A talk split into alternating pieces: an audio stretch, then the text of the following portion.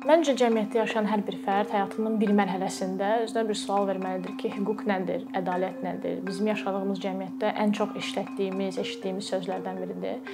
Vəkil olaraq da məhkəmələrdə ən çox qarşılaşdığım məsələ oldu ki, biz ədaləti tapa bilmədik burada. Əlbəttə ki, məhkəmədə, prosesdə həmişə bir uduzan tərəf olur və o uduzan tərəf üçün həmişə nəsə bir ədalətsiz bir məqam olur məhkəmələrdə. Amma gəlin bir hüquq elminə baxaq, görək hüquq elmi nəyi öyrənir sual verək. Həqiqətən qanunlar, hüquq ədalətli olmalıdırmı, yoxsa ədalətsiz də ola bilər? Ədalətsiz qanun qanun sayılacaqmı, hüquq olacaqmı?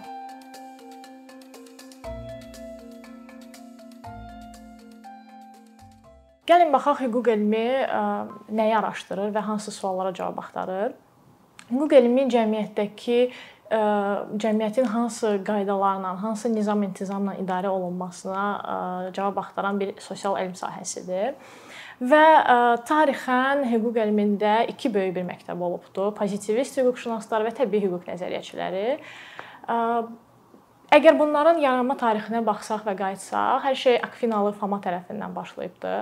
Akvinalı Foma intibah dövründə yaşayıb 13-cü əsrin əvvəllərində və intibah dövrü nə ilə səciyyələnir? Keçmiş ideyalara, yəni qaranlıq xristianlıq dövründən Avropa qutarır və daha mütərəqqi olan qədim Roma və qədim Yunanıstan fikirlərinə qayıdışla səciyyələnən bir dövrdür və Akvinalı Foma bu dövrdə yaşayır və onun ilk olaraq onun ədəbiyyatında, onun yazılarında pozitivist hüquq və təbii hüquq nəzəriyyəsi və belə hüququn iki sahəyə ayrılması, iki cərayana ayrılması barədə ilk olaraq o danışıbdı.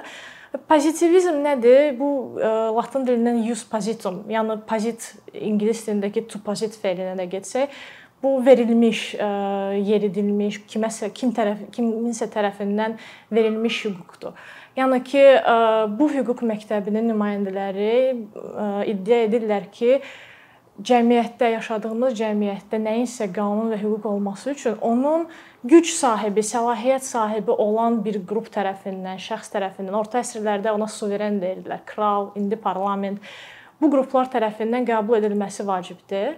Əlbəttə ki, biz deyə bilərik ki, 3 nəfər oturmuşuq burada, gəlin biz də bir e, özümüz üçün qayda, norma tətbiq edək, olsun qanun, amma olmayacaq, çünki bizim onu tətbiq etmək üçün bir gücümüz və səlahiyyətimiz yoxdur. E, beləliklə pozitivistlər inanır ki, əgər normanı məhkəmədə e, tətbiq etmək üçün sənin səlahiyyətin və gücün varsa, o normanı qəbul edirsən və o artıq cəmiyyət üçün bir qayda olur və hamı ona tabe olur.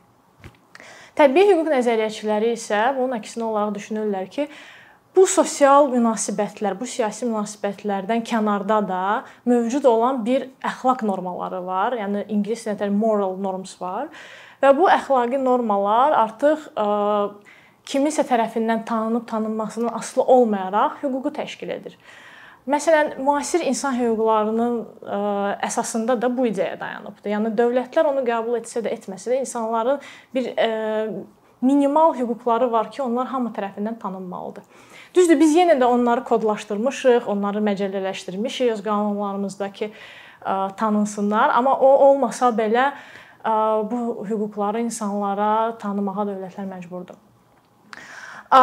Bu artıq təbii hüquq nəzəriyyəsində bir əxlaq və ədalət anlayışı ortalığa çıxır ki, baxmayaraq ki, pozitivist hüquq məktəbində qanunlar ədalətsiz belə ola bilər. İstənilən bir şeyi qanun norma şəklinə sala bilərsən. Təbii hüquq nəzəriyyəçiləri artıq düşünürlər ki, yox, yəni burada bir əxlaqi məqamlar olur. Onlar bir ədalət axtarışına çıxırlar ki, insanların qəbul olunmamış normalardan kənarda da bir hüquqları var. Və 60-cı illərdə, keçən əsrin 60-cı illərində, xüsusilə Qərbdə və Amerikada bir qrup aktivistlər ədalət sosial ədalət axtarışına çıxıblar və onlar kifayət qədər aktivizm olmuşdu həmin dövrdə. Bu həm sülh aktivizmi olubdu, həm feminizm, həm LGBT fərdlərin hüquqları ilə bağlı. Və əlbəttə ki, bu aktivizm hüquqdan yan keçməyibdi və bu aktivizmin nəticəsində hüquqda da yeni məktəblər, yeni cərəyanlar yaranmağa başlayıbdı. Baxmayaraq ki, əsrlər boyu hüququn 2 dənə oturmuş nəzəriyyəsi olub bu pozitivizm və təbii hüquq nəzəriyyəsi. Lakin ə, keçən əsrdən başlayaraq bu iki nəzəriyyə çox ciddi şəkildə tənqid olunub. Tənqidin əsası nə olub? Ədalət. Ki bu cür sistemlər, bu cür hüquq sistemi özlüyündə ədalətsizdir. Və bu məktəblərdən mən bir neçəsinin adını çəkəcəm. Bu feminist hüquq məktəbi olub, tənqidi hüquq elmləri olubdu və də kolonial hüquq olubdu. Və bunların əsasında nə durubdu? Məsələn, feministlər iddia ediblər ki, feminist hüquqşünaslar mövcud normalar patriarxaldır. Onlar qadın perspektivindən yazılmayıb və qadınların hüquqlarını və maraqlarını da məhkəmədə qorumurlar və təbliğ də etmirlər. Və e, aktivizmin nəticəsi olaraq e, Qərbdə bir çox e, qanunvericilik aktları, bir çox məsələlər dəyişmişdi. Feminist hüquq məktəbini həmçinin tənqidi hüquq elmləri məktəbinə də aid etmək olar.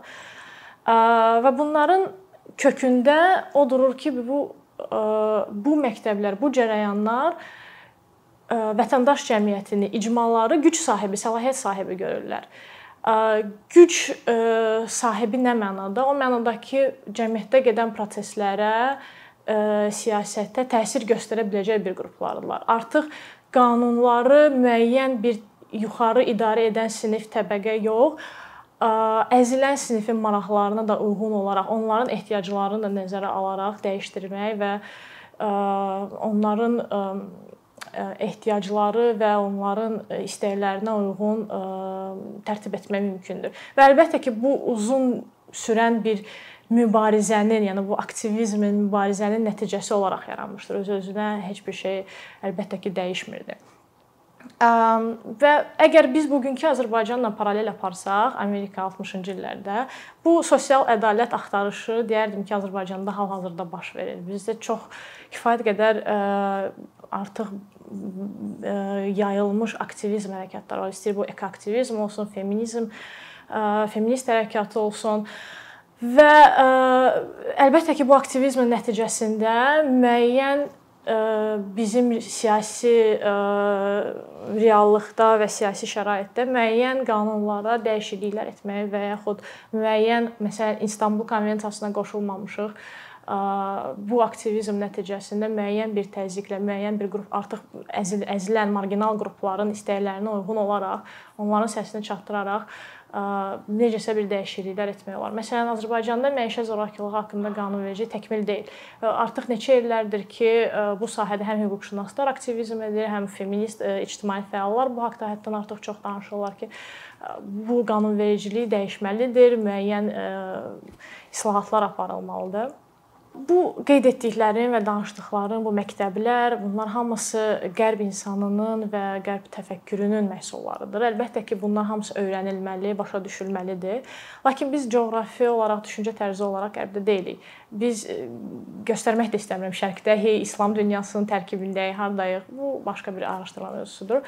Amma e, mənə görə e, maraqlı olardı ki, Azərbaycan hüquq sisteminə bu regiondan, burdakı insanların e, baxışı, onlar cəmiyyətin öz yaşadıkları e, cəmiyyətin necə idarə olunduğunu, hansı normalar əsasında nizamlandığını anlayıb araşdırması mənə görə çox maraqlı bir ə, araşdırma mövzusu olardı və dekolonial hüquq sahəsi əslində bunun üçün həm nəzəriyyəni, həm metodologiyanı artıq hazır edibdi.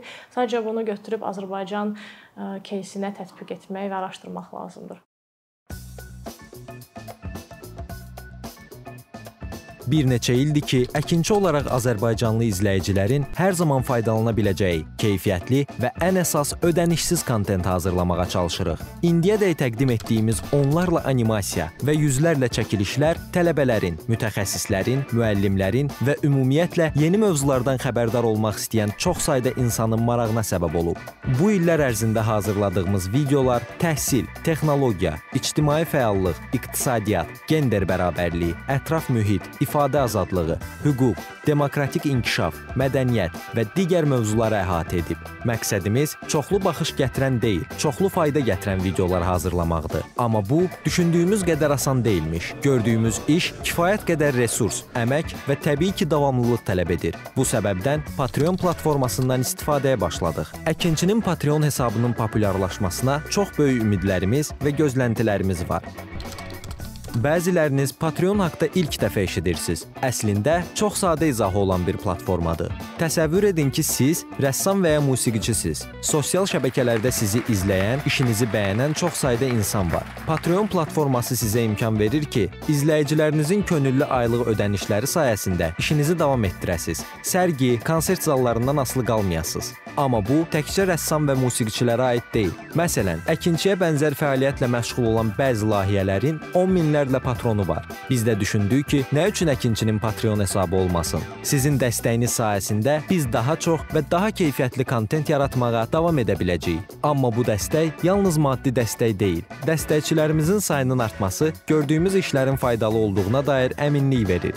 Patreon platformasından istifadə çox sadədir. Hesabınızı açırsınız, sizə uyğun dəstək növünü seçirsiniz və Patreon özü hər ayın ilk günü kartınızdan seçdiyiniz dəstək növünə uyğun ödəniş tutur. Bu qədər. Sonda onu demək istəyirik ki, dəstəkçilərin sırasına qoşulmaq istəyən, amma məhdud imkana görə bunu edə bilməyənlər narahat olmasın. Daha öncə dediyimiz kimi, bizim əsas məqsədimiz daha çox insanın hər zaman faydalana biləcəyi keyfiyyətli və ödənişsiz kontentin yaradılmasıdır. Bunun üçün mütləq patronumuz olmalısınız deyə məcburiyyət yoxdur. Amma imkanınız patron olmağa çatırsa və bizim işimizi bəyənirsinizsə, patronlarımızın sırasına qoşulmağınız bizim üçün çox önəmlidir.